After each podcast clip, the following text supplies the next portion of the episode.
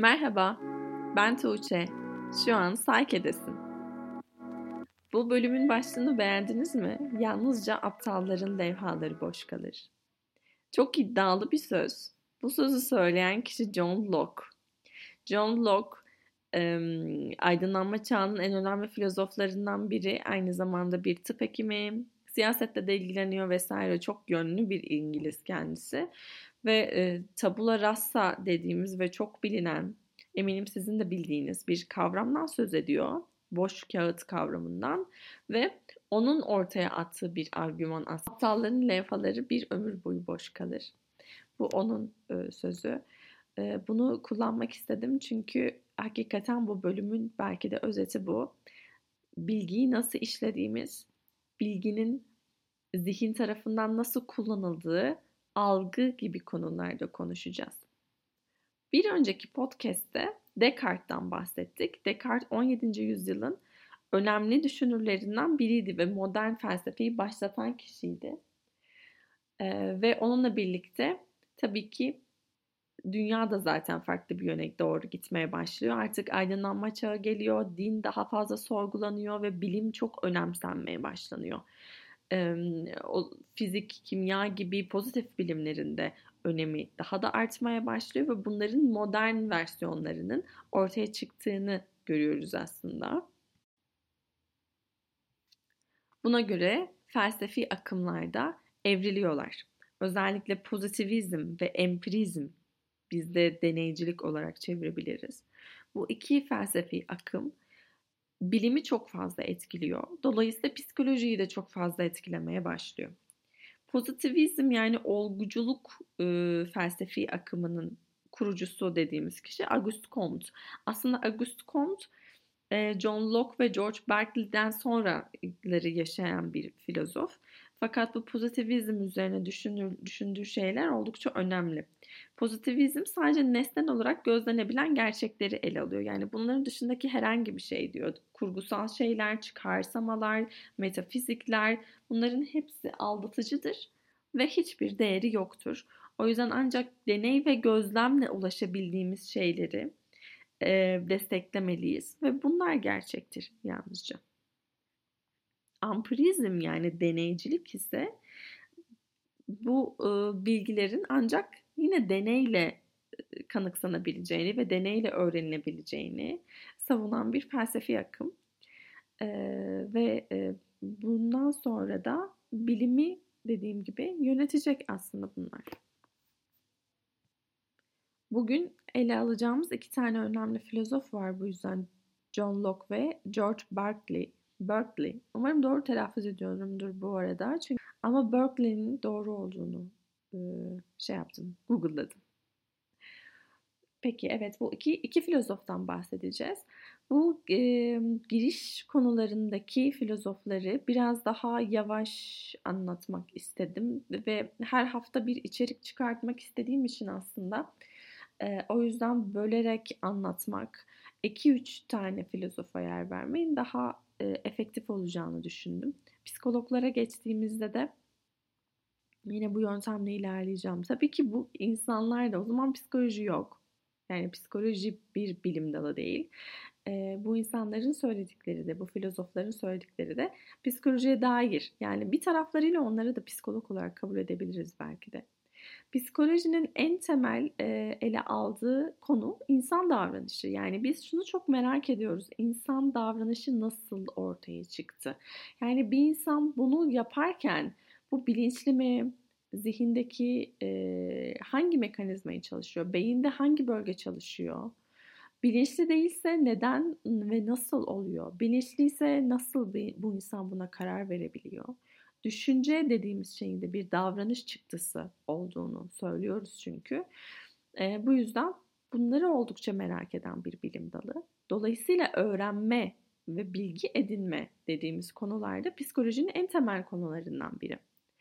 Bir psikoloğun öğrenme e, mekanizmasını iyi bilmesine bekleriz ki bunu her alanda, çalıştığı her alanda uygulayabilsin. Terapi yapıyorsa da öğrenme mekanizmasını iyi bilmeli e, akademide çalışıyorsa da, araştırma yapıyorsa da keza iyi bilmeli. Eğitimde ya da iş psikolojisinde de.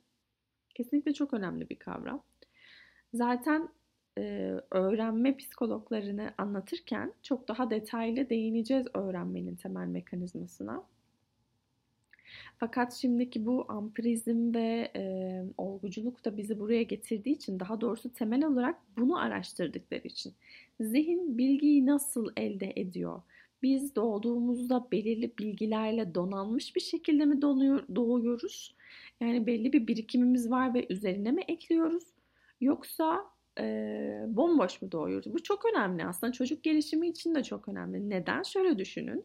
Eğer çocuğun biz e, bomboş bir şekilde yani John Locke'un dediği gibi bir tabula rasa olarak doğduğunu varsaydığımız zaman ve her şeyin işte çevrenin etkisi, e, anne babanın ya da bakım verenlerin yetiştirme şekliyle alakalı olduğunu kabul ettiğimizde o zaman bu çok da korkutucu bir şey de oluyor. Çünkü ne yaparsanız, nasıl ekerseniz, ne ekerseniz o şeyde bahçede o büyüyecek. Çocuk bomboş olarak dünyaya geliyor. Hiçbir şey olmadan geliyor ve e, aldığı şeyler onu bir yere getiriyor. Belli bir hayat felsefesi kazanmasına yardımcı oluyor ya da bambaşka bir şey. E, şu an için tam olarak ne olduğunu bilmiyoruz diyebiliriz. Yani hala daha evet böyle çok acı. Genetik olarak da getirdiğimiz bazı şeyler var ya da bebeklerin mizaç özellikleri var. Örneğin bazı bebekler ne yaparsanız yapın daha kaygılıdırlar. Bazı bebekler daha uyumludur. Bu, bu 2-2 daha 4. Ya da bazı bebekler doğduklarında belli bir hastalığa sahip olarak doğuyorlar. Ya da genetik geçişliliklerimiz var. Şu an için şunu bilmiyoruz. Yani psikopatolojiler genetik olarak geçiyor mu? İşte şizofreni, bipolarite ya da alkol bağımlılığı gibi bağımlılıkların bir miktar geçtiğini biliyoruz ama Diğer psikolojik rahatsızlıklar örneğin depresyon, kaygı bozuklukları, somatizasyonlar bunlar da genlerle geçiyor mu? E, bunları bilmiyoruz. Ve e, tamamen bomboş mu geliyor? Genetik olarak getirdiğimiz bir şeyler var mı? Ya da insana default olarak yüklenmiş işte ne bileyim toplumsal bilinçaltı ne yaparsanız yapın zaten bununla alakalı bir şeylerin ortaya çıkacağına dair bir e, teorimiz de var mı? Bu, bu konuda henüz çözülmüş değil. O yüzden e, bazımız hala daha John Locke'un e, nasıl desem arkasından giderek tabula rasa olarak çocukların dünyaya geldiğine inanıyor. Bana sorarsanız açıkçası ben de evet bir mizaç etkisi, bir genetik etkisi olduğunu biliyorum ama bilmekle birlikte olabildiğince boş geldiğini düşünüyorum çocukların. O yüzden bakım verenlerin onlara e, yaptığı şeylerin, çevrenin etkisinin çok çok önemli olduğunu ve çocuğun e, olağan dışı bir davranışının çoğunlukla çevresinin etkisiyle olduğunu düşünüyor ve inanıyorum. O yüzden bir aileyle karşılaştığım zaman da ailenin çocuğu suçlaması bana pek e, inandırıcı. İnandırıcıdan ziyade şey gelmiyor anlamlı gelmiyor ve hatta itiraf edeyim bazen bu noktada öfkelenebiliyorum. Çünkü çocuk o. O çocuk. Yani 20 yaşında da olsa o bir çocuk. E, ebeveynlerinin çocuğu ya da 5 yaşında olsa da o bir çocuk. Yani bile isteye bir kişiye ne bileyim neden ters davransın mesela bunu öğrenmiş olması gerekiyor gibi düşünüyorum. Sanırım ben de tamamen e, ampirist bir bakış açısıyla gidiyorum bu noktada. Peki biraz daha tarihe geri dönelim. 1700'lere geri dönelim. John Locke bu fikri nasıl ortaya atıyor? John Locke 1632 ve 1704 tarihleri arasında düşünüyor. Zamanı bir tahayyül edin. İngiltere'de kendisi ve İngiltere İç Savaşı'nın işte olduğu zamanlarda vesaire bu özgürlükçü düşünce nin daha da geliştiği zaten aydınlanma çağı filozofu olarak geçer John Locke. O irada yaşayan bir filozof kendisi. Ve 1960 yılında yazdığı çok önemli bir kitap var. İnsan anlığı üzerine bir deneme diye. 1690 dedim değil mi? Umarım doğru söylemişimdir. Ve burada aslında tabula rasa kavramından bahsediyor. Çocuklar diyor bir e, boş bir levhayla, bembeyaz bir levhayla gelmişlerdir dünyaya. Ve işte e, hayatları boyunca öğrendikleri şeyler, algıladıkları şeyler onların e, zihin yapısını oluşturur ve yetişkine böyle gelirler. Biraz da John Locke'dan dinleyelim. Ondan bir pasaj okuyacağım. Tabula rasa ile alakalı. Farz edelim ki zihin tüm özelliklerinden yoksun, hiçbir fikir barındırmayan bembeyaz bir kağıttır. Bu zihin nasıl donatılmıştır? Zihne boyanmış durumdaki neredeyse sonsuz çeşitliliği olan insanın dop dolu ve zengin hayalleri, kuruntuları, bu muazzam hazineye nereden gelir? Zihin tüm bu bilgi ve sağduyu malzemelerini nereden alır? Bunu tek bir kelimeyle cevaplarım. Deneyimlerden. Tüm bilgimiz deneyimlerden kuruludur ve bilgi eninde sonunda kendi kendisinden türer. John Locke'un e, açıkladığı ya da terim olarak oluşturduğu bazı şeylere kısaca şöyle bir bakalım. Mesela duyum ve yansımadan bahseder John Locke. Duyum algıladığımız direkt olarak duyu organlarımızda algıladığımız şeylerken yansıma ise bizim zihnimizdeki bunların geri dönüşleri, açıklamaları diyebiliriz. Descartes podcastinde aslında benzer bir şey anlatmıştım. İşte bir yere dokunuyorsunuz, bunu hissediyorsunuz vesaire ya da bir şey görüyorsunuz. Ee, bu sonuçta duyu organlarıyla algıladığınız bir şey. Yansımaysa zihnimde ben bunu nasıl yansıtıyorum? Ee, nasıl ortaya çıkartıyorum? Ne gibi bir anlam yüklüyorum? Bu da sonuçta deneyimlerimle şekillenecek bir şey. Yani yeni doğan bir çocuk ya da işte bir yaşında, iki yaşında bir çocuk dokunduğu şeyin sıcak olduğunu bilemeyebilir. E, çünkü sıcaklık hisle yani dokunmakla öğrenilebilen bir şey. E, böyle olunca dokunduktan sonra sıcak olduğunu ve ona dokunmaması gerektiğini, canının yandığını vesaire deneyimlerinden öğrenecek ve deneyimlerinden öğrendiği için de e, böyle bir yansıması olacak kendi içinde diyor. Basit ve karmaşık tasarımlar gibi kavramları vardır. Basit tasarımlar e, basittirler ve kendinden daha basit bir şeye indirgenemezler. Oldukça böyle pozitif bilim e, bakış açısıyla düşünebilirsiniz. Yani atom ve molekül gibi tamamen. E, karmaşık tasarımlarsa moleküllerde olduğu gibi işte atomlarına ayrılabilir. Karmaşık tasarımlar birbirlerine e, dönüştürülebilirler. Daha basit tasarımlara dönüştürülebilirler aslında. Bundan bahsediyor çağrışım teorisi gibi bir kavramı var. Aslında bu öğrenmenin ilk temsillerinden biri olabilir.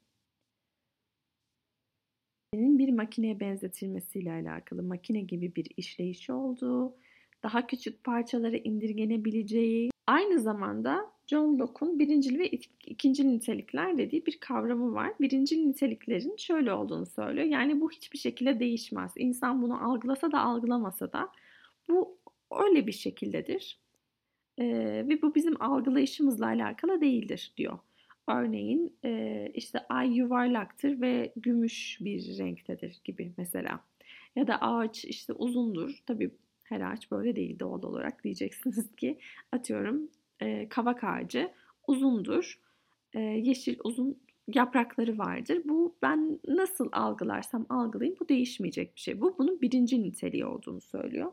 İkinci niteliği ise bizim algılayışımıza bağlı olarak bizim bildiğimiz, bilmediğimiz, deneyimlerimizde değişebilen şeylere bağlı olarak değişir ve gelişir diyor. Aslında e, bu 17. yüzyılın bilimsel bakış açısını da yansıtan bir düşünce. Çünkü Descartes da benzer şeyleri söylüyordu. Hatırlarsanız ve hatta dinlediyseniz. John Locke tabii ki bu noktada şeyi kabul etmiştir. Yani aslında algılamalarımızın birçoğu kendi algılamamız. Yani gerçekte var olup öznel bir algılama daha doğrusu gerçekte var olup olmaması değil ama bizim bir şey düşünmemiz, algılamamız öznel bir karara varım ama bununla birlikte aslında bu şekillerin, cisimlerin olduğu gibi olan bir takım şekilleri, durumları vesaire de var. Ee, bunu da bir yerde kabul ediyor.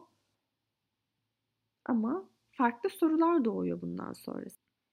Ve gel gelelim George Berkeley'e. Bugün anlatacağım son filozof ve algıyla alakalı çok önemli aslında bulguları var. Berkeley daha çok bir din adamı baktığımız zaman. E, din eğitimi görüyor ve e, Amerika'da da bu konuda hala popüler. Ee, yani papazlar arasında da bir popülaritesi var. Zaten bu görüşlerini anlattıktan sonra en son anlatacağım şey de dini tarafını yine göreceksiniz.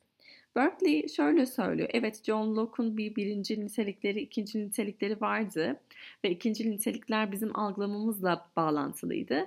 Ee, Berkeley diyor ki bence birinci nitelikler diye bir şey yok. Hepsi ikinci nitelikler. Yani eğer ben bir şeyi algılıyorsam vardır. Ee, ve bu algılama tamamen özneldir. Yani başka biri başka bir şekilde algılayabilir onu. O fiziksel özellik dediğimiz şeyler de diyor. Bu da benim e, eski zaman deneyimlerimden oluşmuş şeylerdir. Bu, bu budur. Bu bundan kaynaklanır. Buna aslında zihincilik deniyor. Mentalizm. Tamamen zihni e, kontrolde olduğuna inanılan bir kavram. Ancak nesneler algılandıkları zaman vardırlar ve algı tek gerçekliktir diyor Berkeley. Peki ona şu soruyu soruyorlar. Bir şeyin o zaman var olup olmadığını nasıl kanıtlayacağım? Yani ben perdeyi hiç görmemişsem e, perde yok mu? Yalnızca ben algıladığım zaman mı var oluyor? Bunun ayrımına nasıl varacağım? Berkeley bunu şu şekilde açıklıyor. Tanrı, yani Tanrı var olduğu sürece Tanrı varlığıyla aslında bunu kanıtlıyoruz diyor. O çünkü daima algılamaya devam ediyor. O algıladığı için bir şeyler var. Yani ben perdeyi görsem de görmesem de perde var. Yastığı görsem görmesem de yastık var. Ağacı görsem de görmesem de ağaç var. Ve benim muhtemelen dünyada hiç görmediğim bir sürü ağaç var. Ve eğer ben görmüyorsam yoktur. Ya da böyle bir şey hani hiç olmamıştır diyemiyorum. Çünkü Tanrı'nın daima algıladığını söylüyor Berkeley. Burada da dini yapısını, dini geçmişini daha doğrusu skolastik düşüncesini e, görüyoruz. Berkeley'nin zaten bunun haricinde psikolojiyle alakalı e, herhangi bir yaptığı bir çalışma yok. Bunu da yeni bir görme teorisi üzerine bir deneme adlı kitabında bahsediyor aslında. Kendisi 1685-1753 tarihleri arasında yaşamını Evet, bugünkü podcast'te pozitivizmden, ampirizmden, zihincilikten, Auguste Comte'dan, John Locke'dan ve George Berkeley'den bahsettik. Auguste Comte'dan çok fazla bahsetmedik. Evet pozitivizmin kurucusu bir sonraki yüzyılın aslında önemli bir bilim insanı ve sosyoloji de çok e, önemli çalışmaları olan biri. Aynı zamanda aslında şunu düşündüm Auguste Comte ve işte John Locke vesaire çalışırken e, benim için her zaman bu e, felsefe, psikoloji ve sosyoloji üçlemesinden en kolay ve en anlaşılır olan psikoloji olmuştu. Doğru söylemek gerekirse sosyolojiyle e, lisanstan sonra bir bağlantım oldu. Felsefeyle de lisansta bir iki ders aldım. Onun haricinde böyle bir akademik olarak pek bir bağlantım olmadı. Ama hep şunu fark ettim. Hakikaten sosyolojide, felsefede çok daha karmaşık terimler ve şeylere sahip, kavramlara sahip. Belki psikoloji dışındaki biri de böyle düşünüyordur, bilmiyorum. Ama bir dışarıdan bakabildiğimi düşünüyorum nedense bu noktada. Psikoloji sanki daha kolay anlaşılıyor gibi geliyor. Ee, o yüzden mesela sosyoloji çalışırken çok zorlanmıştım. Auguste Comte'u görünce de biraz gözüm korkmadı değil kavramları nasıl anlatabilirim vesaire diye ama sonra oraya girmeme gerek olmadığını fark ettim. John Locke'un tabular hastası algılamalarla alakalı söyledikleri ve George Berkeley'nin yine algılamayla alakalı söylediği psikoloji için şu an için yeterli. Ee, merak ediyorum aslında düşüncenizi şu açıdan merak ediyorum. Aptalların levhaları bir ömür boş mu kalır gerçekten ve çocuklar bomboş bir levhayla mı doğarlar? Ee, görüşlerinizi, ne düşündüğünüzü bana da söylerseniz çok mutlu olurum. Bir sonraki hafta görüşmek üzere.